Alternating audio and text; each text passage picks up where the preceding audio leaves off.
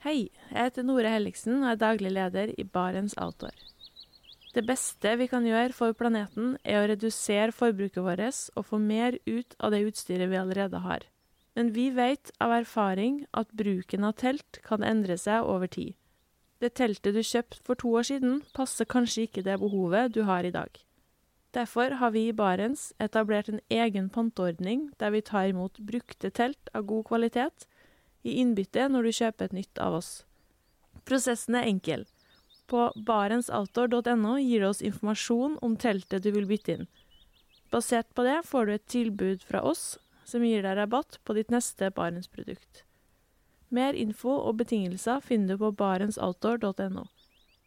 Og husk at den første reparasjonen på produkter fra Barents er alltid gratis.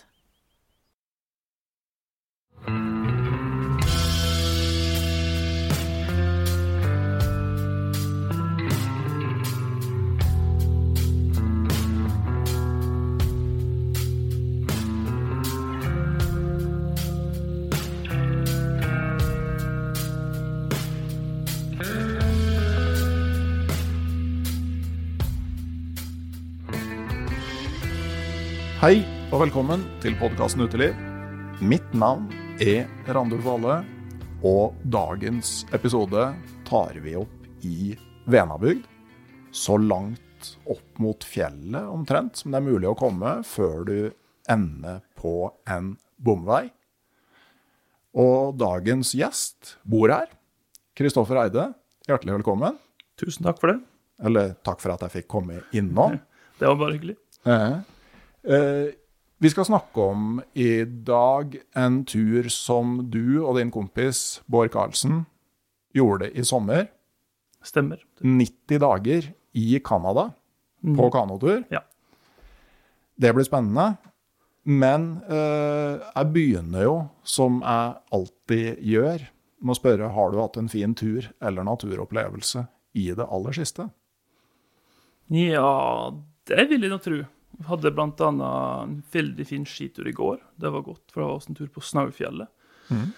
Og med sol og fint vintervær. Og så hadde vi en veldig fin opplevelse forrige uke, da. Da sang det med de to yngste bikkjene, og så gikk vi på ski omtrent fra her. Så gikk vi ikke noen kilometer innover, så prøvde vi å finne en god trasé opp på Snaufjellet.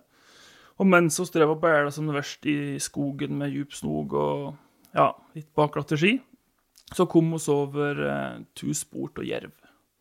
Og det syns jeg er veldig spennende, da, å ha, vet at de dyra er rundt da. Ja, for det, altså, jeg har jo på en måte duer og rådyr. øh, Jeg har hatt hønsehauk på fuglebrettet, faktisk. Men det blir noe annet her. altså Ser dere inn i Rondane nasjonalpark herifra når det da går klart? Ja, det gjør oss, og vi har både villrein rundt oss om våren, og elg og hjort og rådyr. Mm. Og blir- altså jerv. Og jerv, da. Så det er fint å ha rundt seg. Ja. Nei, det, jeg tenker at det her er jo et sånt sted hvor du Du må jo passe på å, ikke glemme hva det er du ser når du titter ut om morgenen. Det er korrekt. Ja. Fort gjort å på en måte, ikke sette nok pris på det. Det er sant. Ja. Jeg tenker jo stadig tilbake til den tida hvor jeg hadde utsikt til Sørøysundet fra stuevinduet Finnmark, og, og visste jo heldigvis jeg visste jo at det blir sannsynligvis ikke hele livet, og du må liksom huske på å ta det inn hver gang. Ja. Jeg liker veldig godt nå om morgenen å stå opp og nå, og når det fortsatt er mørkt, fyre opp i ovnen og sette meg ned med en kopp kaffe mens sola er på tur opp. Det syns jeg er fin tid på morgenen. Ja, og det er jo langt mer behagelig å gjøre det i januar enn i slutten av mars og utover i april, for da må du jo stå opp så fryktelig tidlig. Ja, så nå er det litt lettere. Ja. Men å sitte og se at dagen siger på, det er, Ja. jeg er veldig, veldig med på den. Men um, i sommer altså, så hadde dere bestemt dere for å dra til Canada. Eh, men det er kanskje ikke der friluftslivet starter, med at man bestemmer seg for en 90, en 90 dagers padletur. Altså sånn, eh, du kan jo fortelle litt om sånn, hvor dere sto da dere bestemte dere for å gjennomføre denne ideen? Altså, hva er bakgrunnen deres? Nei, vi har jobba forskjellig oppe på Svalbard, i on board. Og mitt friluftsliv har starta ganske tidlig med isfisking og bærtur og matauk da, med min bestefar. Og så i litt ungdomsåra så ble det litt borte igjen, og så kom det litt mer att. da. Det med fiske og friluftsliv da i eldre alder. Og så begynte det med småturer. Og så balla det på seg med Femundsmarka, padla Karasjokka, Ivalo-jokki. Jokka, mener jeg. Og så bare var drømmen om Canada, da. Og Bård han har vært over i 2017 og padla Dubont River. Nei. Ja, det, Det er litt sånn, det er litt respekt, altså at man ikke gjør som meg og går rett på teloen, men heller eh, velger en av de litt mindre padla. Ja, og det var litt artig, da, for vi var jo annet Dave Olsen. Og da prata vi litt om ruta vår og den biten, da, som, og så tok en Bård og Brea. han var over i 2017, da, og så landa på Sandy Lake og padla Dubont, da. Og da var Olesen bare You guys did what?! så der skjønte han at det var ikke vanlige ruter å padle. Nei. For Olesen har jo vært borti litt av hvert. Ja. igjennom. Og han eh, har jo da snakka med de fleste som har kommet forbi der, så han har jo hørt om veldig mye. Det er han som bor nede på Store Slaver... Ja, Howard Frost. Ja. Ja, ja, så han har jo vært borti alle opp i de siste 30 åra. Blant annet Roger Catling og Ja. alt sammen. Ja, og stort sett alle som har padla forbi. Og, og dem som har padla forbi, har jo òg sikkert prata om hva de har gjort før. Så når man man får en sånn reaksjon, så vet man jo at uh, det, det her er, eh, er noe å, å få med seg. ja. Men, uh, men uh, når var det dere altså, For det er jo sånn, man begynner jo å tenke, og så på et eller annet sted så tar man en beslutning. Altså, hvordan var den prosessen her? Nei, vi prata vel egentlig en del i forkant, både med at jeg hadde lyst til over, og jeg hadde tenkt egentlig å ta med bikkja mi. For jeg syntes det var litt vanskelig å finne den hun kunne reise på tur med over lang tid. Og Bård var litt i samme stadie henne, og så til slutt så bare spurte oss hva vi bare reise på tur i lag. Og da starta det med at han hadde kunnet tenkt seg å padle Coppermine River. Og jeg kunne ti med vanlig tur å starte for Yellowknife og krysse tundraen. Og så da linka oss de i hop, og så bare Ja, skal vi reise på tur, da? Og Når, så hvor lenge på forhånd bestemte dere dere? et år, halvannet år i forveien. Mm. Og så begynte så smått planlegginga. da. Ja. Eh, men ja, hvordan var planleggingsprosessen? Hvor, eh, hvor mye detalj gikk dere i? Ikke så veldig, kanskje. Vi prøvde å dele opp turen i tre biter. Først måtte vi liksom lande på om vi ville ta hele distansen Yellowknife til Kugluktuk. Så det var litt fram og tilbake. Vi vurderte å kanskje fly ut til Artillery Lake, men så regna oss litt på det og trodde vi kunne klare å legge hele distansen bak oss. Og når vi landa på det, så prøvde vi egentlig å dele opp hele turen i tre biter. Da var det Yellowknife, Pikes Portage, Pikes Portage, Lac de Gras og lagt til Gras Kugluktuk. Ja, det var så- litt for å få litt overblikk, da. Ja, og for de som på en måte ikke har kartet i hodet, så er første delen er jo da å padle over Store Slavesjø, som er liksom en av verdens aller største innsjøer. Og, Ja. så, og så skal du bære deg opp på tundraen og opp til starten av Coppermine River på Lac de Gras, og så padle den ned til Nordvestpassasjen. Stemmer. Ja. Høres veldig greit ut, men, men 90 dager er lenge, da. Gjorde dere alt det her uten å proviantere underveis? Eh, ja. Det er jo oss planla ut ifra at vi skulle innom den plassen, men nå var vi jo innom at Dave og Kirsten Olsen Det var ikke planlagt. Vi var ikke helt sikre hvor de bodde, men vi eh, hørte at det var ved Hoverfrost River. Så padla oss bare forbi en ettermiddag og ble bedt inn på kaffe. Og eh, det litt artige der var jo faktisk at eh, oss var annet ute i hundegarden og hilste på bikkjene og alt det da. Og da så vi på at ja, her står det, det er en bikkje som heter Vågå. Så bare kom jeg med det der, og så fikk vi komme oss inn, da. Og så var vi litt beskjedne og bare vi skulle ha oss med en kopp kaffe. Ja. Så skjønte jo at vi, de ville ha mat, ikke sant. Så jeg serverte opp på ferskt brød og rødost. Oi! Så det var litt surrealistisk. Men det var jo forklaringa på det var jo at eh, datter deres hun var og jobba i Vågå. Oh, ja. Så de hadde jo godt kjennskap til Gudbrandsdalen og Rauosen, da. Så det Ja. var litt artig, da. De fleste som eh, blir kjent med rauost i eh, voksen alder, er jo ikke så veldig glad i det. det Men eh, tydelig annerledes der. Det var suksess. Men når dere planla, altså Hvordan Altså, hva var det dere tok tak i? Altså sånn, eh, Du sier at dere så på ruta og mente at det skulle gå. altså Hvordan beregner du tidsbruket på en eh, sånn tur? Vi prøvde som sagt å dele den inn i tre biter, da. Så rekna oss da for Folk har gjort deler av det her tidligere, Mm. så vi skal ikke stole helt blindt på det. For enkelte bruker jo sju-åtte dager på Slaversjøen. så skal mm. ikke Og summe en måned. Så måtte vi som lande på noe. Men vi rekna litt og så litt på distanse, så kom vi fram til at tida på Slaversjøen, ca. 20 dager.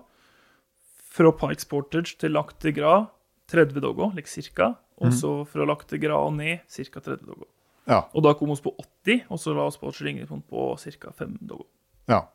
Uh, og så er jo det der, eh, ikke sant, det blir jo linka til maten. Eh, hvordan beregna dere uh, rasjonene? Hva, hva slags mat hadde dere med? Hva supplerte dere med i naturen, og hvordan beregna dere det her? Vi tok en ganske enkel regel med ca. 500 gram om dagen per pers, med alt. Og da er det ca. en kilo om dagen, da, og 90 dager så er det ca. 90 kilo. da. Ja. Så det er en veldig enkel regel. Og vi hadde med noe i Toro-pose fra Norge. Det var that's it. Ellers så kjøpte vi alt der. Ja. Ja hva dere, hvis du ser liksom på frokost, lunsj, middag, hva, du, eh, hva dere legger opp til?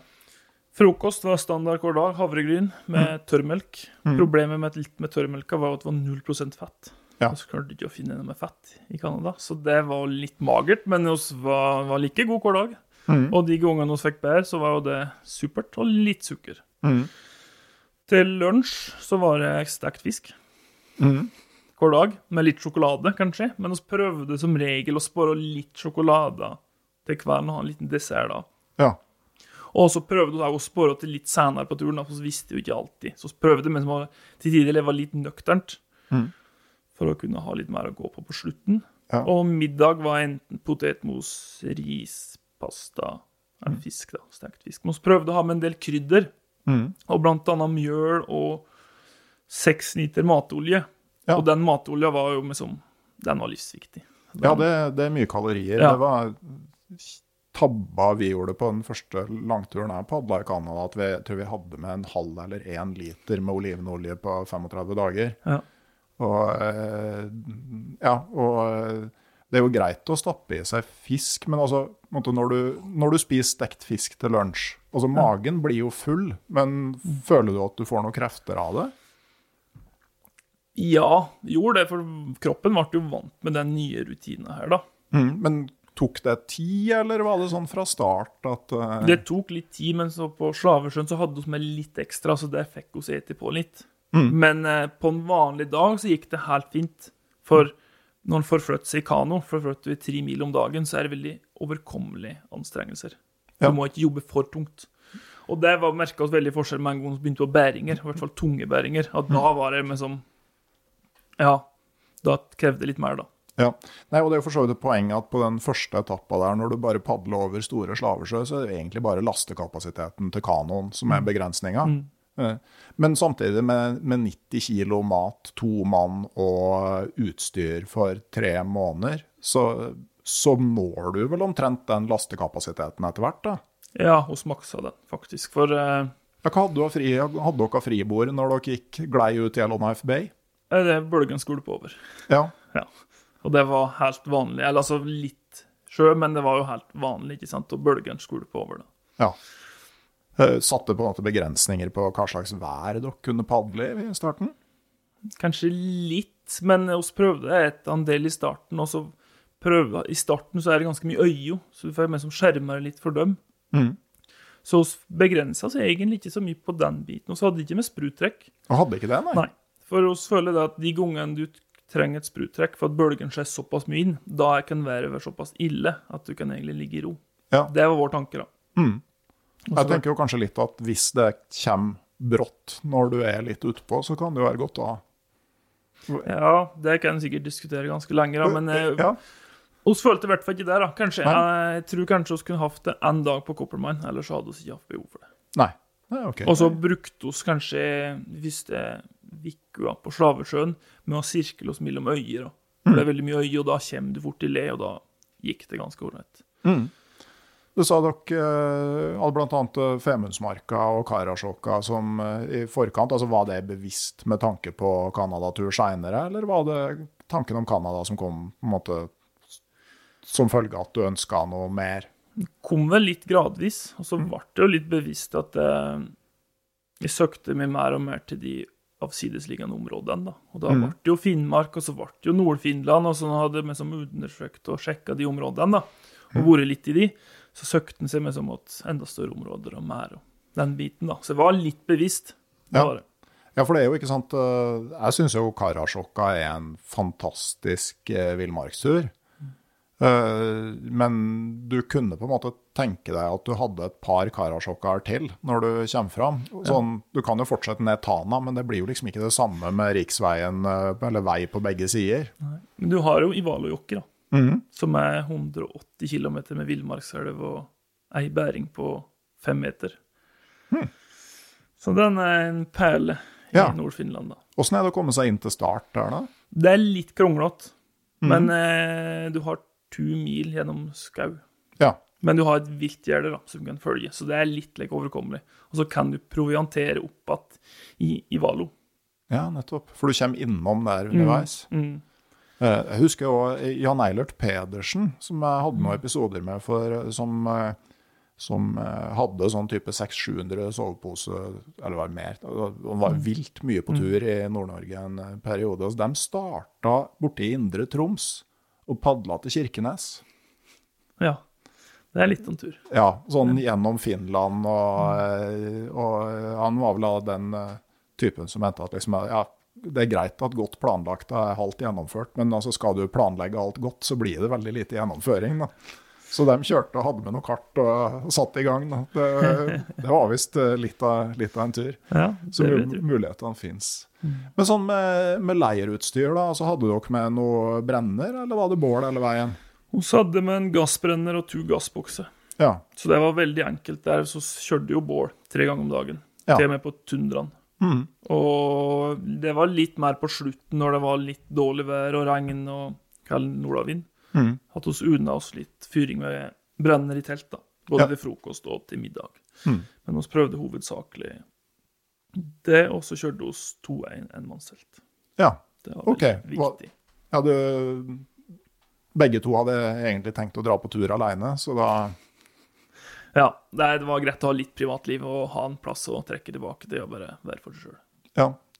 ja for noe av det som gjør at på en måte teltet stedet du trekker deg tilbake til, er jo blant annet insektene. Jeg vet ikke hva dere opplevde der. Da. Det var ikke så ille, faktisk, for det, var det var ekstremt tørke. Ja. Så, men vi hadde en par dager der det etter noe regnskyll at det, det så ut som det var svarte skyer Mm. i distansen på bakken, da. Og så var det faktisk insekt. Men eh, i hele så var det jo veldig tørt, da. Det Ja. var jo Molta var jo Ja, visna bort. Ja, såpass, ja. Ja, og så kom det kanskje altså, Jeg husker jo de områdene rundt Lacte Gra som ganske sånn uh, myrete og insektbefengt. Men dere kommer jo dit og antagelig vesentlig seinere enn de fleste som blir flydd ut for å padle elva. Uh, vet ikke når dere starta fra Yellowknife? Starta nok uh, 23. juni. Ja. Hvor lenge er det siden isen har gått, da? Den gikk veldig tidlig nå, faktisk. Ja. Den gikk uh, midten av mai. Mm. Såpass tidlig. Men vi prøvde å jobbe oss litt ut ifra når isen kom til å gå, da. Mm. Og den pleier å gå i starten av juni en gang. ja. Og vi møtte jo aldri på is. Møtte jo ikke, ikke Nei, tydning. ikke i det hele tatt? Ingenting. Nei. Så det sier jo litt om været som var der nå i sommer, da. Det var Ja. spesielt. Ja, for vi måtte Da jeg padla Horten River, så måtte vi liksom snike oss ned med flyet. Det lå fortsatt is på Horten Lake, da. Og det her var ganske godt ute i juli.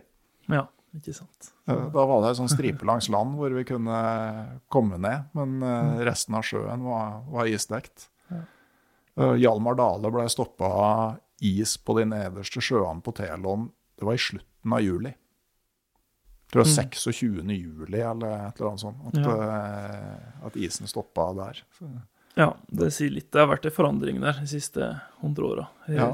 Roald Amundsen han var i Gjøhavn. Det var jo sleafører til i juli. Ja. Hmm. Nei, det har nok det. Men uh, hvordan gikk, uh, hvordan gikk første etappa, altså uh, turen over Slavesjøen? Den gikk over all forventning, egentlig. Vi trodde egentlig vi kom til å være mer værfast. Men eh, Slavesjøen var ganske fin i juni-juli, så Ja. vi brukte 14 dager. Mm. Hvor lange dagsetapper sånn i timer? Hvordan legger dere opp dagen sånn i starten? Vi tok det ganske litt på feelingen og hadde ikke noen faste tider at vi må være på vann til ti, men vi prøvde som regel å stå opp klokka åtte, og så var vi på vannet ti, halv elleve, elleve. Og så hadde vi en god lunsjbål. Mm. Så prøvde vi, ja, det har jeg lest over notatene tidligere, da. Så prøvde vi jo, men som ikke var så ivrig på fiskinga i starten, prøve å ete litt av det lasset. Ja. Men på dag tre så begynte vi å fiske, Ja. så det holdt så lenge. ja, for det er jo et poeng å bli kvitt litt av lasset før du skal begynne å bære på det. Ja, og så eh, Nei, så hadde jeg egentlig ganske enkelt opplag der. Tok litt, inn, litt innkjøring, og så bytta på å stå opp om morgenen og fyre bål og ordne graut. da. Ja, Så den ene kan bare ligge og komme i Mm. teltet til det er klart? Ja. Og så hadde en Bård han hadde klart å sette fell på klukka på dag eh, åtte eller noe slikt. Mm. Og resulterte i at grauten var klar klokka sju om morgenen. Ja, Den dagen padla oss nesten fire mil. ja nettopp. Kunne vært verre enn det. Ikke riktig så ille som Ingstad Dale, som hadde de klokkene som gikk feil, og begynte med frokost midt på natta. Nei, det var ikke så ille, da. Det ikke, men det var litt artig. Ja. Men ellers noe dere hadde, hadde dere liksom snakka noe om rutiner og måte, hvordan man skal forholde seg til hverandre? Altså, hvor mye hadde dere vært på tur sammen på forhånd?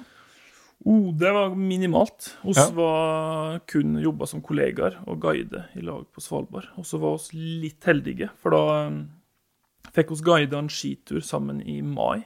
Mm. Men da var jo egentlig alt bestilt. Da jo klart, da. det var, det var, ville vært fælt å finne ut at det her funker overhodet ikke. Nei. Men vi fikk jo liksom jobba i lag da, på en skitur ja. i ti dager, og da fikk vi kjent litt på det. Og da var det jo liksom Ja. Det var ingen røde flagg, da. Nei.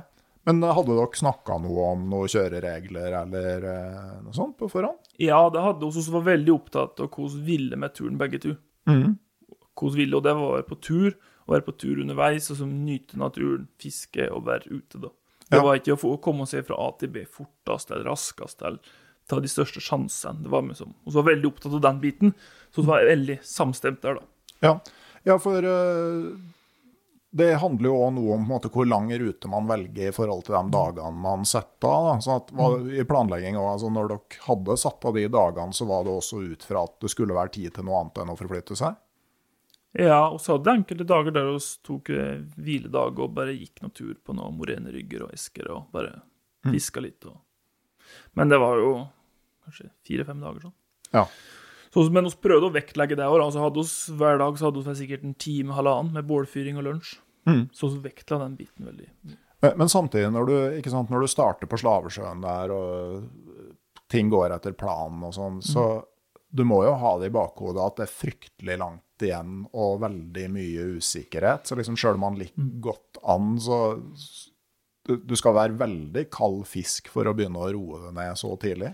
Det hadde vi ikke. Vi var litt eh, nervøs i starten, spesielt jeg, da. Jeg var litt eh, De første fire-fem dagene der kommer jeg og var litt tøffe, for da litt Herregud, det er langt fram.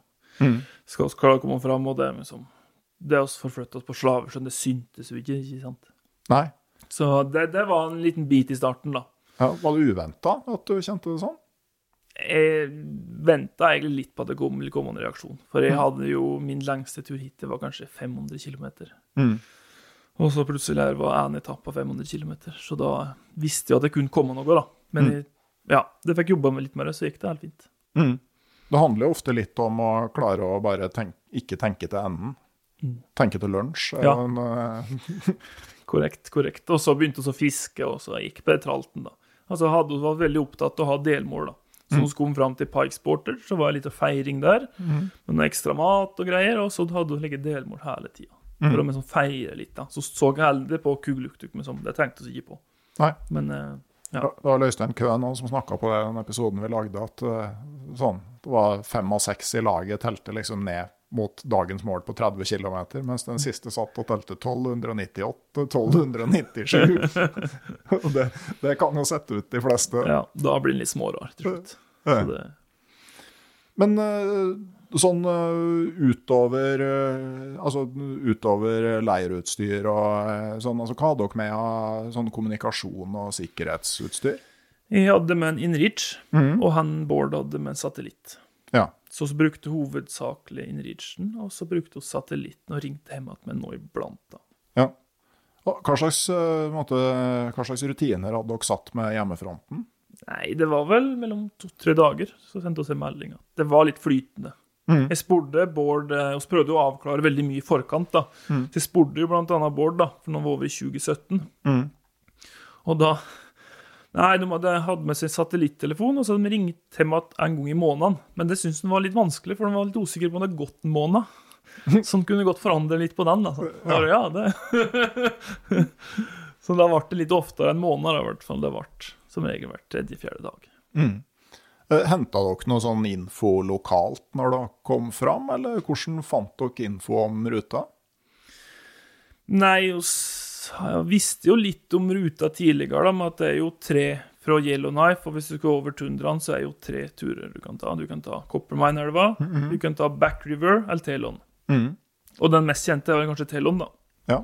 Og så bare linka oss litt i hop med at eh, det er jo mulig å ta de to andre, og så ja så for, gikk litt på kart og studerte litt, og så, ja, la oss i vei. for å gå litt sånn i detalj på geografien, så er det en sånn interessant måte å linke Yellowknife med Coppermine på. For jeg ville kanskje tenkt øh, ville intuitivt tenkt at da drar man rett nordover på Yellowknife River og tar den veien, og så kommer du ned litt lenger ut på Coppermine, nede ved det som heter Point Lake. Nå er vi veldig ned i geografinerding, men, men alle har jo Google Maps. Så det, og den turen er nok blitt gjort ganske mange ganger. Eh, men den varianten dere gjorde der, den har jeg aldri hørt om før. Nei, vi ville jo som sagt bare være på tur lenger, da. Så det var egentlig ikke at Vi måtte ikke krysse lengst eller være raskest eller noe som helst. Vi ville bare på en tur lenger, og så ville vi ha litt variasjon for å kjenne litt på det med store sjøer, litt mindre sjøer, litt mer historiske områder som Pikes Portage og så videre, da. Så da ble det litt om å linke de to i hop, da. Så vi ville ha litt, litt mangfold, da. Litt forskjellig, da. Eh, Men dere hadde altså veldig bra værforhold på Slavesjøen. eh, Og altså, hvordan var liksom stemninga da dere gled i land helt i Østenden? Nei, vi var litt eh, Det var godt å komme fram, da. Det var for det friluftsliv langs Store Slavesjø i kano er veldig behagelig. Det er godt og varmt, og det er for fisk og Ja, det var bra fiske Ja, var fra start? Ja, det var jo fra start så var det knallbra, ikke sant. Så veldig ålreit leksett, men det er jo litt Det er jo alltid noe driver med at en vil litt videre, han vil innover landet. Da var vi veldig nysgjerrige på å komme innover. Pike Portage og innover mot Artillery og Tundraen, da. Mm. Så det var alltid litt videre, da. Alltid nysgjerrig på det som er framfor han, da. Ja, Ingstad skriver nå om det der at det var utrolig godt å bli ferdig med Slavesjøen, og så på en måte idet du begynner å bære, så er du ikke så happy med at du er ferdig med Slavesjøen lenger. Altså, Var det mulig å kjenne seg igjen i? Ja, definitivt. Ja. Definitivt. Det er Pikes Portage er til tider veldig fin, men også til tider ganske vanskelig terreng. Ja, hvordan da? Veldig tett. Mye videkjør og kratt og myr og ikke lett terreng alltid tider å få med kanoen, men det må være. kommer fram, da. Og hos hos hadde bæringa der, da, så hadde vi jo mat for 60 dager, ikke sant. Ja, Hvor mange runder måtte dere ta? Og klarte det på tre. Ja. Så det var veldig bevisst på å klare på tre. Mm. Ja, for det er sånn på kortere turer så har jeg liksom Eller jeg har aldri vært ute mer enn en drøy måned, og da har vi liksom sagt at vi skal klare det på to. For det, det blir jo mye ekstra gåing for hver ekstra runde. Veldig. Og når vi begynte på Coppermine, da var vi nede på to også. Mm. Og det var en fordel med tanke på at da kunne vi lettere å bare for bitstryk, stryk, da. Mm. Det var Alley-kano dere brukte? Ja. Uh, 16,5. Ja. Uh, har dere kommet fram til noen konklusjon på hvor lang bæringa bør være før det er greiest å pakke sammen kanoen?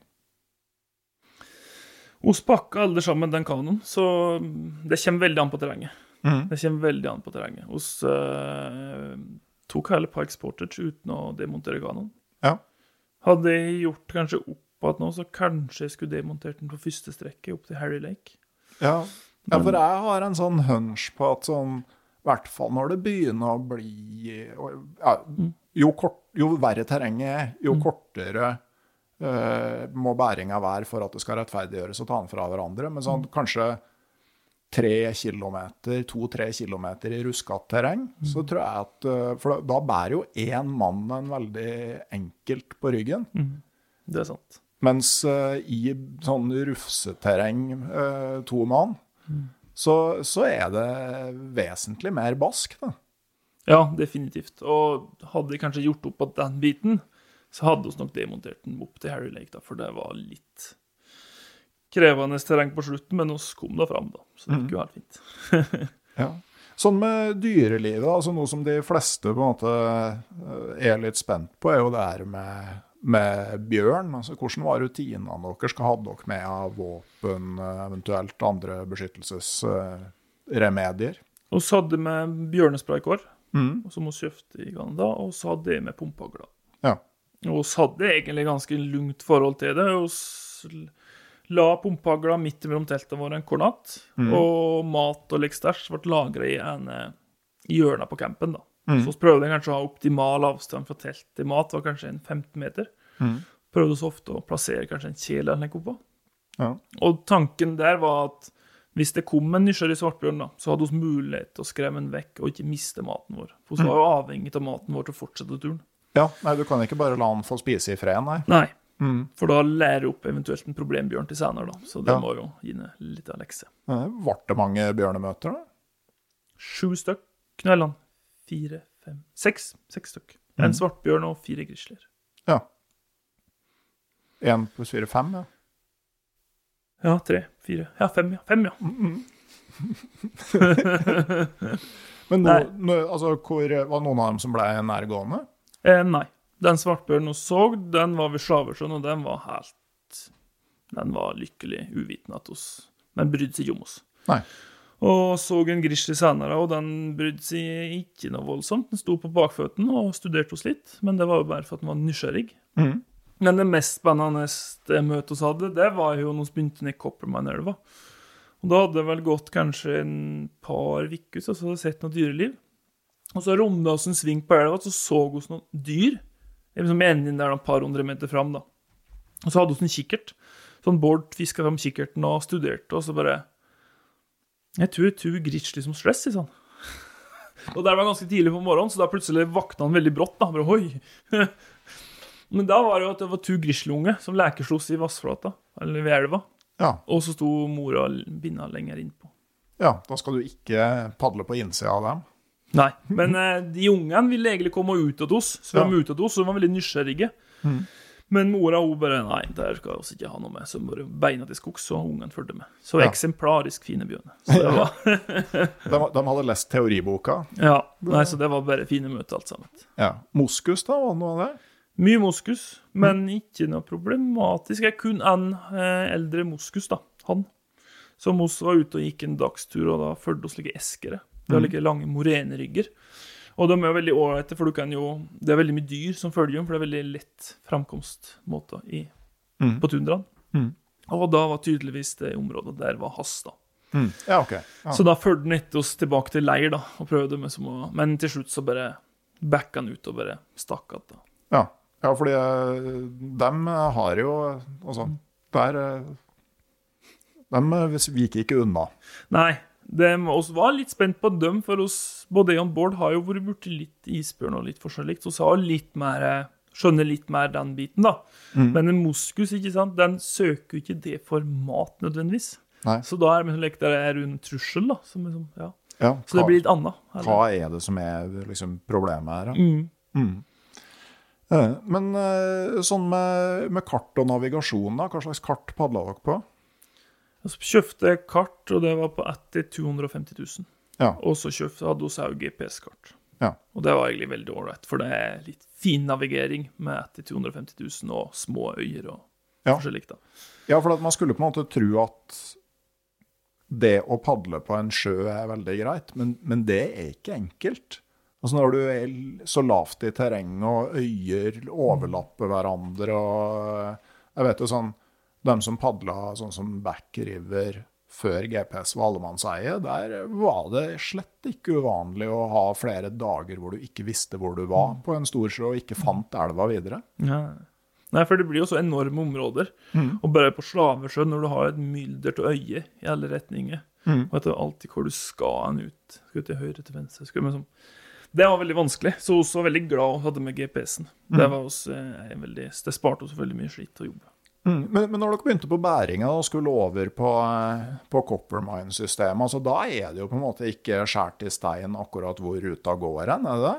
Nei, oss var faktisk litt i tvil om vi skulle følge opp Tonokid River, eller om vi skulle videre inn på Aylmer, videre lenger vest, Ja. og så trekke nordover. Men så landa oss på Tonokid River, da. Og det er vel kanskje et av de fineste områdene vi hadde på turen. Ja, okay. Mellom Aylmer og Lactegran.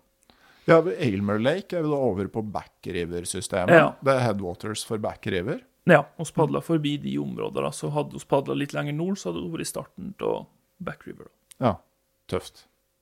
Det er jo eh, ja, for Hvordan var det liksom når du da begynte å komme ut av skogen og inn på tundraen? Altså, hva er det som endrer seg? liksom? Det, Nei, det skjer jo ganske gradvis, da, men det var veldig spesielt langs artillery, da. For det har på vestsida til artillery så var det jo skog.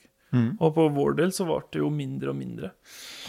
Og så vel i siste skogklynga på strekket mellom artillery og Ptarmigan Lake, da. mm. Okay. Da ble vi borte med skog, da. Men den kom jo tilbake, da. På et Ja. anledning, da. Ja, OK, den kom tilbake igjen uh, nedover Coppermine. Mm. Ja. Full skog. Ja. Så det var litt spesielt, da. Men veldig fint, da. Mm. Veldig fint. Og så gjorde det jo veldig godt med tanke på at vi padla jo ned store deler av Coppermine-elva på høsten. Mm. Og med dårlig vær og mye kaldt, da. Så da var jo kjært velkomne med noen store bål. Da. Ja. Men dere hadde fortsatt bra vær på den eh, perioden med bæring? Ja, vi var litt værfaste nå da, men ikke noe mer voldsomt. Vi var Jeg tror det var to halve dager på Store Slavesjø, to dager på Artillery, og så bare litt like, Mm. dag og da. da. Så ikke noe voldsomme greier, nei. Eh, Men hvordan blir liksom dagene når du For det går fra det blir en del sånn småbæring, og eh, at, at det er en del sånn mindre systemer du skal innom der? Eller er det relativt sånn eh, Eh, noen Tonokid River så var det en del bæring, da. Det brukte oss, det strekket brukte oss ti dager på.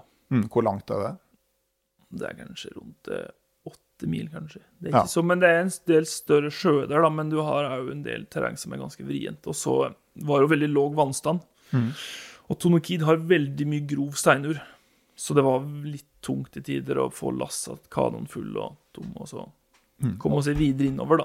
Eh, eh, Hvordan klarte kanoen seg, og hva hadde dere med av reparasjonsutstyr? Hadde med en del teip, dampsperreteip, som funket til alt, og så hadde vi litt lim, og det ble ikke ett i. Nei. Så den fungerte helt eksemplarisk. Det var veldig bra, så det var ikke noe i den biten der, nei. Nei, for jeg ser jo for meg at egentlig på sånn mindre vannsystemer og sånn, altså hvis du skal trekke kanoen og eh, at det fort kan bli en del slitasje. Altså hadde dere, Jeg vet jo noen eh, limer på ekstra dukstrimler på utsatte plasser og sånn i forkant. Hadde dere, dere gjort noen sånn forsterkning? Ja, og så forsterka den på alle mulige måter. Og eh, ca. ti dager før vi reiste over til Canada, så hadde vi et stort hull i kanoen som ikke klarte å vite hvor var den. Den var fra sist tur. Men så var jeg litt heldig, da, så jeg hadde en far som var veldig villig til å prøve å spore opp det hullet. Så så reiste vi over eh, på naturen her og var litt usikker på om kanoen fortsatt var tett eller ikke. Ja. Men det var den, da. ja. ja det, det er Spesielt når det begynner å bli kaldt og surt, så blir du utrolig kald på fotene av å sitte i en kano som, mm. som ikke er, er tett. Eh, Men eh, holdt dere omtrent det tempoet som dere hadde planlagt på, eh, på den ruta over tundraen til starten av Coppermine? Ja, det vi gjorde så godt som. Vi brukte 14 dager til Pikes, og så på dag 50 så tok vi siste padletak på Coppermine River. Så det stemte veldig bra. gjorde det. Og så, da hadde jeg lagt inn en par hviledager og litt forskjellig da, på tur dit. da. Ja. Det er jo ganske sånn, altså Coppermine River er jo en stor tur i utgangspunktet, og dere tar de første padletakene der på dag nummer 50. Ja, ja det var det ble en liten feiring da, den kvelden, da, når vi endelig kunne medstrøms. Men så jeg tenkte litt, da, ikke sant? Altså, for det, de er jo ikke gratis, de her turene. Men det som ofte er det dyreste, er jo utflyginga. Uh, og jeg tenker at hvis du ikke har veldig høy lønn, så kan det fort være sånn at den charterkostnaden egentlig er like stor som kostnaden din med å ta en måned ekstra fri fra jobb. Ja, det tok oss definitivt med. Ja, og det- veiinga. At det, det- vi kunne ta litt lengre fri og heller ta en enda lengre tur og spare litt penger. Og det tror jeg er noe å tenke på for mm. flere. altså Hvis du har en jobb hvor du faktisk kan ta en måned permisjon, altså hvis du bare starter å padle i Yellowknife, så, eh, så kan du få en måned ekstra på tur ved å skippe det å bli flydd ut. Ja, definitivt. Det ble en ganske billig Det ble ikke dyre turen å strekke utover mest av tre måneder. Nei? Det kom under 50 000 per pers. Ja. Og da er med alt. Ja, og, det, og da, nå er det jo to ganger 23 kilo du har på flyet over dammen, ikke sant? Og så var det greit å få med kanoen. Det gikk fint, men vi bomma litt på noen flygninger. For oss de første flygningene vi bestilte, de ble plutselig kansellert. Og så i siste liten så bestilte vi nye flybilletter med mellomlanding i USA. Og det var ikke populært med hagle, så da måtte vi avbestille dem igjen. Og så måtte vi ha nye. Uff da. Så, men det var en Bård som hadde litt ansvar for flybillettene, da, så han var litt uheldig der, da. Ja, han, eh, han er ikke til stede her for eh, samtidig imøtegåelse. Nei, men det er jo litt sånn å, å tenke på. Jeg husker første gangen jeg var over, så han jeg padla sammen med da, dro jo på, på bonuspoeng. Og han fikk jo da mellom, eller overnatting i London med hagle. Det var heller ikke spesielt populært. altså Den ble innelåst på sånn nøytralt område på flyplassen. Ja, også hadde ganske heftig hjemreise. Når oss eh, Fra Kugluktu går fly ut dit om høsten, så er det ofte mye tåke og lavt skydekke. Så oss eh, satt på den flyplassen der og hørte bare flyet bare suse over terminalen, og så bare hørte like etterpå at flyet måtte snu. Kunne ikke lande. Nei. Så da mista oss jo alt av flyvninger tilbake til Norge. Og måtte bestille nye. Og måtte plutselig innom i London, det som ikke var planen i utgangspunktet. Og så med hagle, så det ble jo Hagla kom hjem til slutt, i hvert fall. Ja, Det tok tid. Nei, Men det er jo ingenting som er bedre enn å miste bagasjen på vei hjem. For da får du den jo levert på døra, i stedet for å bale med den etter du kommer fram. Ja, det er sant. Det er sant. En Bård hadde jo eh, Jeg prøvde å spørre litt han da, hvordan de gjorde det i 2017, men han hadde ganske lett da, sant, for de reiste over med hagle, og så slapp de å reise hjem igjen med hagle, for de mista dem i et stryk.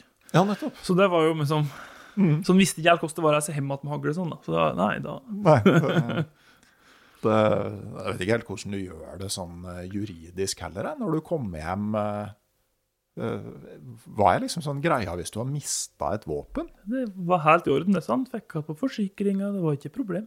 Nei. Så jeg anbefaler ingen å gjøre det, da. Men, Nei, eh, det, nei, altså jeg anbefaler ingen å miste noe med vilje Nei. for å få det igjen på forsikringa. Det, det, det er for så vidt påfallende òg hvordan eh, altså sånn, det, er litt snodig at det å snyte på forsikringa liksom er, er greit. Det, det er jo ikke noe prinsipielt forskjellig på det å ta med seg kassa i forsikringsselskapet. Nei, det er ikke sant. Men eh, OK, ja. Nei, men eh, hvordan gikk sånn det, det mellommenneskelige? Ja? Altså, eh, var det bra stemning hele veien, eller var det liksom ting dere fant ut dere ikke var enige om? Vi var vel egentlig ganske enige om det meste. Nå er jo Jan Bård veldig like oss, er ganske stille, rolige personer som kan godt sitte stille ved et bål en hel kveld og gå og trekke oss tilbake i teltet. Og vi lot veldig av tillate at den andre kunne ha en dårlig dag, og ville gå i teltet klokka åtte om kvelden, så var det helt innafor. Så vi tillater òg at de kunne ha en kjip, dårlig dag, og òg at de kunne ha en bra dag. Vi prøvde liksom ikke å bygge opp like at ja, men du må smile, du må liksom være i humør. Det var ikke vits. Nei. Det var bare like, like gikk det. Og så prøvde vi å ha noen enkle kjøreregler, da. Ja, hva, hva slags da? Liksom blant annet hvis vi delte ut og skulle ha litt sjokolade, så var det veldig, da var det viktig at begge eter en sjokolade. Så ikke den sparte på og så plutselig kunne spise sjokolade dagen etterpå. For det kunne være med å bygge opp til at det kunne bli gnisninger, ikke sant. Ja. Så det var veldig viktig, litt like ting, da. Hadde enkle regler der, bare for å liksom unngå slike situasjoner. Da. Den ene ikke sparer på i tre dager, og så, og så får du det spørsmålet om en da skal dele med den andre når den til slutt tar det fram. Ja. Ja, ikke sant. Så vi hadde litt der, da, bare for å gjøre det litt enklere. Men hvordan blei det med sulten, da, med en halv kilo mat? Altså Når du begynner å passere 50 dager, du får jo ikke nok kalorier, sjøl om du spiser mye fisk. Nei, du gjør ikke det. Vi spiser jo enorme mengder fisk. Og Den kom jo, den. Men vi klarte egentlig å holde den litt i sjakk. Gjorde oss med egentlig den maten vi hadde med. Og så prøvde vi òg å vektlegge og bruke tid på å lage god mat med det vi hadde. Mm. Både vi hadde med flere kilo med mjøl, så hadde vi mye forskjellige krydder. Mm. Så hadde vi blant annet sriracha-krydder. Så hadde vi like, mango chipotle-krydder og med så mye forskjellig, da. Mm. Tacokrydder. Mm. Bare for å men så mikser opp litt, ikke sant? Da- Ja, så ikke alt smaker likt hele tida. Nei, ikke sant. Så hadde vi en fisk da som smakte litt dårlig, så bare krydre i hjel med tacokrydder mm. og ris, og da plutselig hadde du taco. Ja. Så det var veldig mye, den biten der, da. Ja, det kan man ha fredagstaco, ja. Ja, og så hadde vi med blant annet, så jeg tror jeg leser gjennom notatene at på dag 55 så hadde vi eh, pinnebrød og molte og blåbær. Rørt molte og blåbær. Ja, og det, det er ikke så verst når du eh, det, Så vi brukte tid på å vektlegge den biten, da, ha mat, i hvert fall middagsmaten, da, at den var litt ekstra. Var noen sånne nye favoritter som oppsto underveis? Du får jo liksom Du får ikke så mye fisk å leke deg med eh, i Norge. da. Det var en så enkel kombinasjon som bare å ha med sriracha, eller hot sauce. Mhm. Bare krydre i hele fisken med ris og, og så sriracha og litt like, spicy greier. Mm. Det var kongegodt. Jeg leser over notatene, og jeg sto på dag 70 eller dag 60 eller hvor det var, så var det litt det var kongegodt med fisken. da. For da hadde jeg oppdaga sriracha. Ja. Og det var liksom, ja. Så det var, ja, så det var bra fisk. Ja, og, og den lake trouten, jeg synes den, den kan være litt sånn tam i smaken uh, naturell. da. Ja, og det jeg også oppdaga, det jeg visste om på forhånd, det var at det kunne være ekstremt stor forskjell på forskjellige sjøer. Som vi hadde blant annet på ei eh, strekke ved Aylmer Lodge og opp til Lac de Gras. Det er jo de beste fiskene. Der hadde vi kanskje en lake trout på fem kilo. Og en nydelig matfisk. Og på alle fiskene på Lac de smaker høgg. Ja. Ja, de, for det første så merka vi den hos fikk fisken, for da den ville ikke dra ut seende. Den bare dykka ned litt, og så bare ble den med opp. Og så stekte vi den, og så ble den hvit som en gjedde. Ja. Og smakte dårlig. Mm. Men med en gang vi kom på Copperman River igjen, så var det, men da var det kjempebra. Så det varierte veldig der. Så vi ble litt kvalitetsbevisst, da. Ja. Fisk. Bare spise fisk som kjempeordentlig. Korrekt. Men på en måte, hvor lenge var altså For din del så var det jo første gang der borte. Og da går jeg ut fra at fiskinga var noe av det du hadde sett fram til. Ja. Hvor lenge var det moro, og når gikk det over til å bli rutine? Det kom litt an på. Jeg tror en av de råeste fiskeopplevelsene vi hadde, var på dag 60. Mm. Og det var rett og slett at det var så mye fisk, og så stor fisk, og bare Den ene lake trouten så ut som en liten selunge, ikke sant? Mm. svømte rundt kanoen, da satt, da satt jeg framme i on board bak og kjørte hver vår tre kilos lake trout. Mm. Og det var jo på dag 60, og det var helt rått. Så vi Ja. prøvde, men den holder ganske jevnt over hele. Ja. Den selungen, gikk det an å få den til å ta? da? Nei, vi fikk ikke tak til den. Den svømte ganske dypt der nede. Jeg har hørt om dem som har hatt sånn fisk som bare tømmer snella borti her. Hva var rekorden på turen da? Så hadde ikke med vekt, men et board hadde vel en på 8-9 kilo. Jeg mista en som var kanskje bortimot 12. Mm. Men den eh, Det var ganske kult, for da så jeg at scenen gikk ned i vannet, og så en god meter bak så så jeg halefinnen. Uh. Men den kom seg vekk. Men blant annet Aylmer-sjøen, da, den er jo kjent for gigantiske lake trouts. Mm. Så det er jo at det er bortimot rekorden der oppe er over 20 kilo. i. Ja. Nei, det, er- det er en, en snodig fisk, da. Det er på en måte mm. altså, en, slags merkelig miks av ørret og gjedde, tenker jeg. Ja, den er veldig snodig, og ja, hun kan jo bli ganske gammel, så det er en litt spesiell fisk, men eh, Ja. ja. Veldig sånn utprega, rovfisk. Mm. Veldig, og veldig glupsk. Det er jo Det går jo på, det som er. Ja, jeg husker det var jo sånne der slukene du får i Canada, er jo sånn at du helst bør ha på deg solbriller når du åpner slukskrinet. Ja, jeg kjørte faktisk sommersluken hele turen. Ja. Jeg, mis, jeg hadde med faktisk tut og sommer, da, så jeg mista den ene, og så hadde jeg på den andre, og da kjørte jeg den hele turen. Hmm. Jeg, mis, jeg mista en sluk on board, jeg mista ingen, så det var jo ganske ålreit leksett, da. ja, Nei, de er jo ikke noe sånn veldig feinschmeckere. Det, Nei, nei, nei. så det var, det var ikke imitasjonsfiske med tørrflue, nei. Nei, det var ikke det. Det var matauk. Ja. Morsom matauk, da. Ja, men, men det er jo litt artig når fiskinga har en sånn betydning, da. At øh, Altså, hadde dere på en måte noe på lager, eller var det fersk fisk til lunsj? At man måtte fiske for å få lunsj? Det var lunsjen? nesten som å fiske for å få lunsj hver dag. Ja, men det kom litt an på, da. For hvis det var i områder der det var litt dårlig vær, så kunne vi være litt føre var og prøve å få fisken på forhånd før det eventuelt blåste opp, da. Ja. Men det var som regel, så hadde det ganske grei regel at den som vi bytta på hvem som satt bak i kanoen, og han som satt framme i kanoen, han kunne dorge og hadde ansvar for kartet. ja. Så da var han som satt framme, som hadde sånn førstepri til å fiske, da. Så den regelen hadde oss, da. Nei, og så merker du vel øh, Jeg syns liksom jeg har hatt inntrykk av at det er jo sånn typisk øh, Altså, det er øh, en kulp med sterk innstrøm, ikke minst hvis det er et lite fossefall inn i en kulp, eller strømsterke deler av sjøen. og Det er ikke nødvendigvis overalt det smeller hele tida, men noen plasser så er det liksom fisk på hvert kast.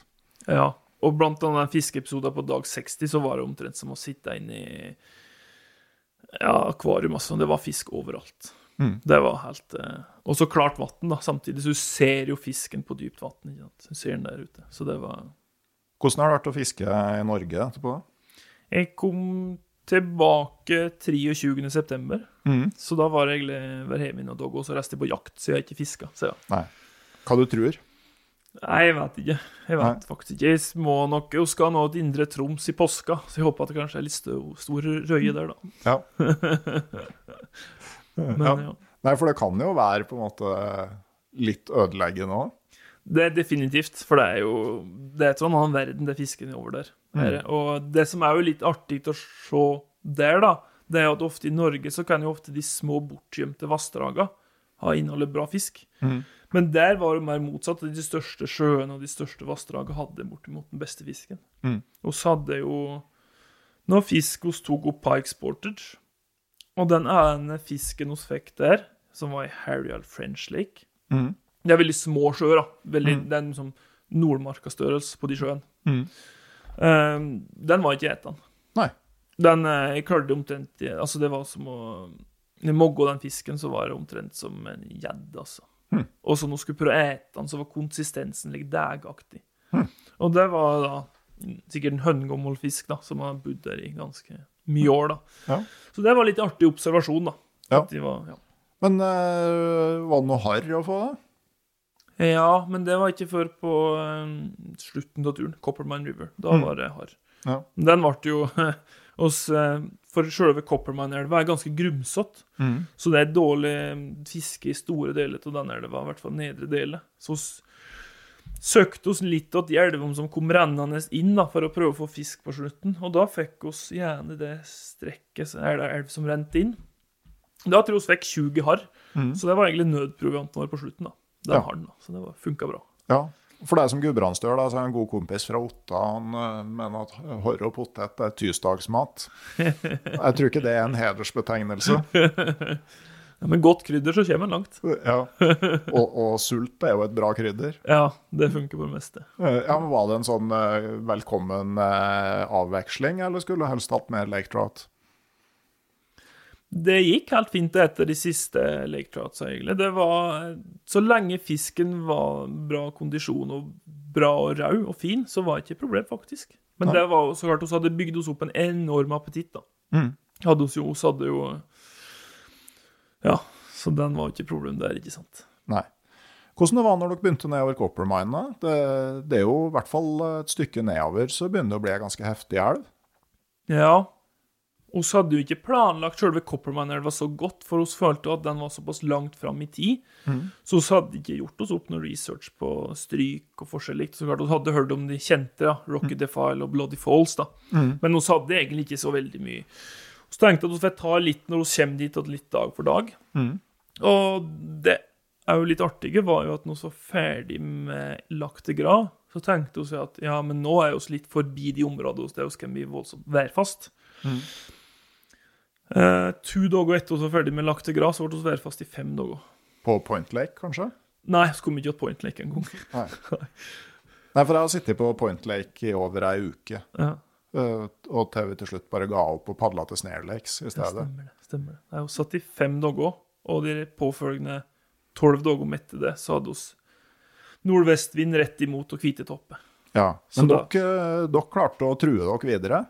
Ja, og så kom oss videre. Er Sakte, men sikkert. Vi hadde litt god tid, da, og det Ja. var litt godt. Men eh, vi måtte jo ty til nattpadling, og nattpadling med stryk og bæring, og det er jo ikke Jeg anbefaler ikke det, altså. Men vi kom da fram. Ja, nei, det, du, du legger jo på litt risiko ved å padle elv om natta. Definitivt. Og det var veldig små stryk, da. Det var Ja. veldig små stryk, Og det var noen bæringer på natta, men det som var problemet, var jo å prøve når du skulle endelig slå leir, da. Du ikke å se noe rundt, ikke sant. Altså, det var litt artig, for eh, når vi padla på de større sjøene, da, så klarte du ikke å merke om du var kanskje ti meter fra land eller en kilometer.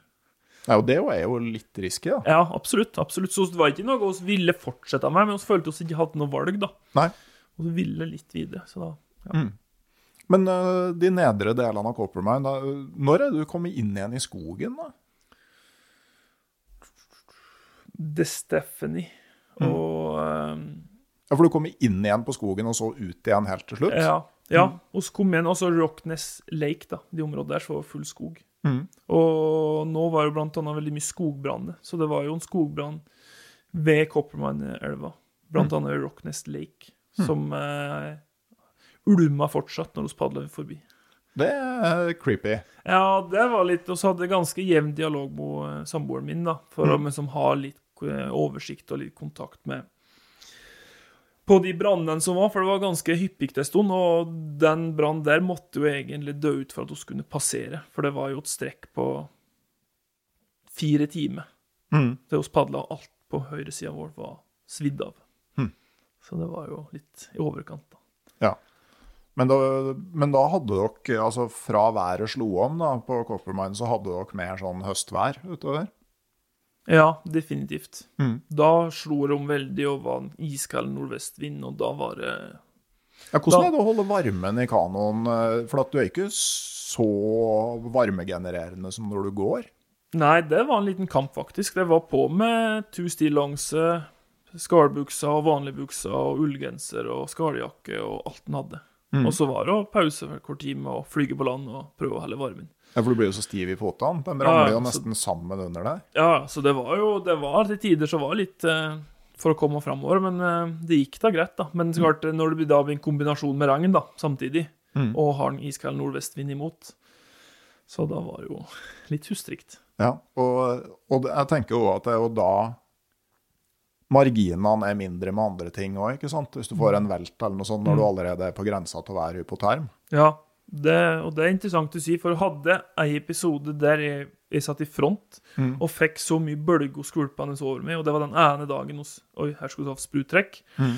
Og da gikk det såpass langt at når vi skulle så ha lunsj, så måtte jeg bare gi beskjed at nå må jeg bare nå må jeg på land, jeg må bare fyre et bål, jeg klarer ikke å gjøre så mye annet, Nei. og nå må jeg få varmen. Og var, hadde også velta der, så hadde jeg hatt problem. Mm. Men det stoppa oss i forkant. da. Ja, og jeg tenker også, ikke sant, når du blir kald, altså dømmekrafta også svekkes jo, ikke sant. Skal man padle, skal man bære? Eh, sånn at uh, Det der er jo sånn Ja. risky kombinasjon. Ja, definitivt. Og det er en fin grense, da. Men Mm. heldigvis, når du er tu, så klarer du egentlig litt å drøfte litt i lag, da. Mm. Men vi hadde definitivt noen grenser der, og eh, i hvert fall når du skulle begynne å padle andre stryk lenger nedover, og det var kjølig temperatur, da. Mm. Og i hvert fall når, når du da begynner å ikke har muligheten å fyre de store, gode varmebåla, Mm. da begynner muligheten å bli litt små, da. Mm. Men så nærmer jo alle sånne turer seg en, en eh, slutt, da. Altså, eh, men på Coppermine, som du sier, så har du jo igjen de største strykene seint på sesongen når det er som eh, kaldest. Eh, hvordan løste dere dem? Nei, oss tok det litt dag for dag. Mm. Så klart, oss hadde jo noen stryk som var, drev og surra litt i bakhugget. Blant annet Rock Defile og Litlek, da. Liksom, Ja, Liksom, for det er ganske lange bæringer hvis du ja, en liten kilometer. Ja. Og de, det som er de greie stryka som er liksom at OK, her padlos. Nei, her, her, her bæros. De er jo ganske greie. Mm. Men det er der du er litt i tvil, ikke sant? Mm. Og Rocket Defile var LX-stryk som er litt like, Du kan padle, men kan ikke. Men Mm. når vi kom fram dit, så var det veldig avgjort. om det, OK, her padles ikke. Nei. Og så var det jo rekordlav vannstand, og så er det jo Jeg tror på 70-tallet så er det to som dryk, drukna i det stryket. Og det er jo en litt like, mental greie, ikke sant? Ja, nettopp. Det, jeg, husker, jeg husker jo fra da jeg egentlig skulle komme nedover der, at du vet liksom at her har det gått liv. Ja.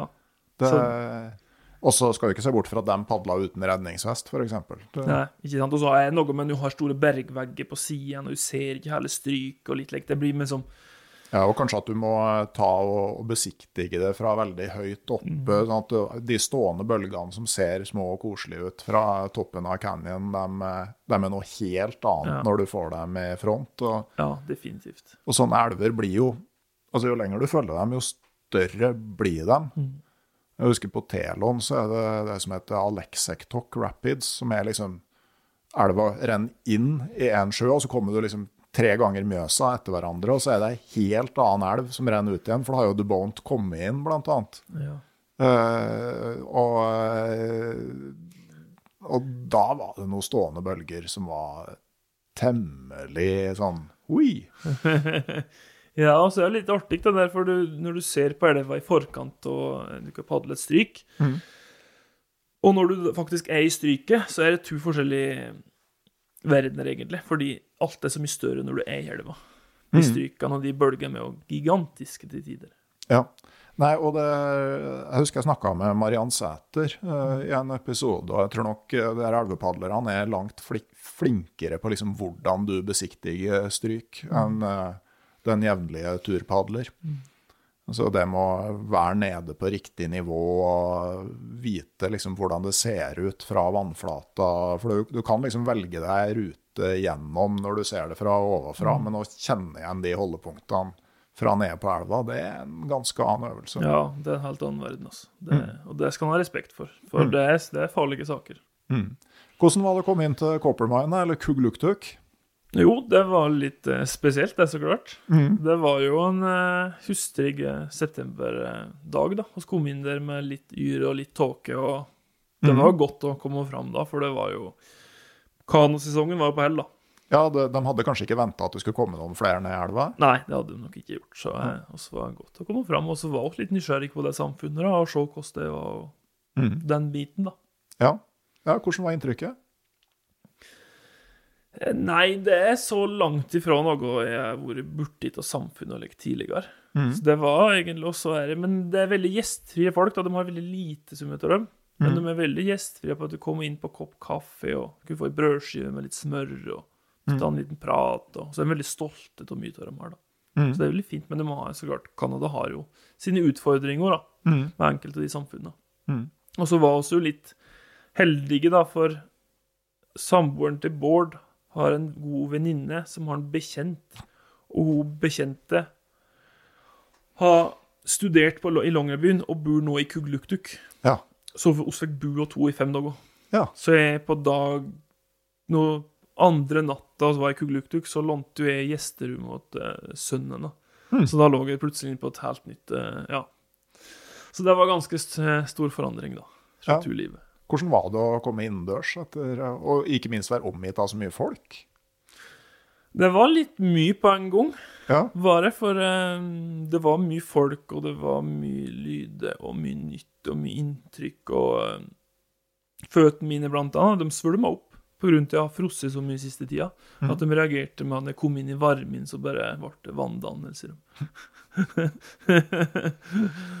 men det var jo ålreit å komme, men eh, så klart den forretter seg jo litt, da. Det går jo litt, eh, det blir jo litt mye mat, da. Ja. Og så mager som var ganske skjøre på slutten der. ja, det kan jeg for så vidt eh, se for meg. Det var jo store overraskelsen etter Telon i 2001 at det fantes Pizza Hut i Baker Lake. og sånn amerikansk panpizza, den svømmer jo i fett. Ja, ikke sant. Osa fikk jo ei bombe med burger og pizza der, da. Fra, Hva det var det? Det er Tundra Takeout. Nei, så det var Det er fint opphold der òg, absolutt. Fine folk. Og så var vi på litt Elder Community og var med på litt sykvelder. Og vi brukte litt tid der, da. Ja. Så det var meget bra. Og dere er gode venner ennå? Ja da. Du, du var? Eh, han var faktisk og feira nyttårskvelden her, Mm. nå i, ja, i romjula. Og så skal vi på ny skitur igjen nå i mai, da. Ja, hvor da? Nei, april skal vi. vi. ja, ja, guide. ja, guide en skitur, da. Så det er fortsatt gode venner, og oss ender nok at vi reiser over igjen en gang til. Ja. Det er det noen nok- konkrete planer, eller man rekker jo å tenke mye tur på en sånn tur? Ja, Vi tenkte veldig mye tur, det gjorde vi, men ikke noe veldig helt konkret enda. Ikke til denne varigheten her. Nei. Det er jo Backriver, da. Den Mm. frister litt. Og så er det jo en vintertur. Kanskje Mm. krysse tundraen. Litt à la den gjør på en kanotur, men gjør det på vinteren, da. Mm. Men så klart du har litt andre ting med logistikk og bikkjer og greier, da. Ja, for du har lyst til å ha med bikkje? Ja. Ja, litt, kjøre litt på den måten, da, kanskje. Så må, må tenke litt, da, prøve å finne ut litt, da. For det største med en lektur er jo da pengene, økonomisk, ikke sant. Mm, det, det er det. Men, eh, men det er et poeng det at altså, de fleste nordmenn opplever jo den villmarka der i kano om sommeren. Mm. Men det er jo veldig mye fint skiterreng borte der òg. Ja, veldig. Og så er det jo, når en er på tur over lang tid, så blir en litt nysgjerrig på hvordan det er på vinteren, da. Mm. Og satt veldig ofte like og tenkte ja, hvordan det er på vinteren. da. Fyre bål på noen granklynger her og der, og Ja. den biten. Og så hvis du skal først over på en eventuell vintertur, da, så kan du kjøre litt det samme som nå, at vi er ganske lenge om gangen, da. Mm. Prøve å få helle kostnadene ned og makse det litt, da. ja. Heller dra på én 90-dagerstur enn tre månedsturer. Ja, ikke sant? Mm. Ikke sant? Det er Vi prøvde nå i sommer å makse litt en sommer, da. Ja, for at, eh, er det fortsatt sånn at Turistvisum turistvisumet gjelder i tre måneder? Ja, det gjør det, men det som var problemet, var at vi måtte søke med hagla, da. For den var kun i 60 dager. Oh, ja. Men det var veldig ålreit. Altså. Det var bare Mm. å forklare at vi skulle på tur og telttur og ha med hagle. Mm. Det var bare å ut og kjøre. Ja. Så de er veldig ålreite der. Mm. Ja, jeg tror det er litt sånn eh, at Canada er ganske greie å ha med å Ja, gjøre. ja, veldig. Ikke noe problem noe som helst med det. Mm. Men det var veldig hyggelig å prate med deg, Kristoffer Eide. Det er artig å prate Canada. Og jeg vet jo at eh, det det er jo jeg som ser tallene bak episodene. At eh, Canada-episoder er det mange av lytterne som også liker. Så det er nok noen drømmer som har fått ekstra fuel nå i løpet av den, eh, den timen her. Men eh, da kan de jo huske det, at eh, ta permisjon fra jobben en måned og dropp utflyginga. Ja, Mm. korrekt, korrekt. Mm. Helt til slutt Det er jo seint i januar, på grensa til Rondane. Her er det jo fint å være. Men ja. hvis du skulle få velge deg et annet sted, da, fritt valg i hele verden, hvor du heller ville vært akkurat nå, hvor skulle det vært? Det kjedelige svaret ville vi kanskje sagt her, da. Ja, det, det er litt feigt. Ja. Nei, det blir kanskje eh, Vi har jo pratet på den vinterturen, da. Så mm. kanskje ved Bjørnesjø eller Slavesjøen, da. Ja. For å så starte ferden nordover i februar, kanskje en gang. Mm.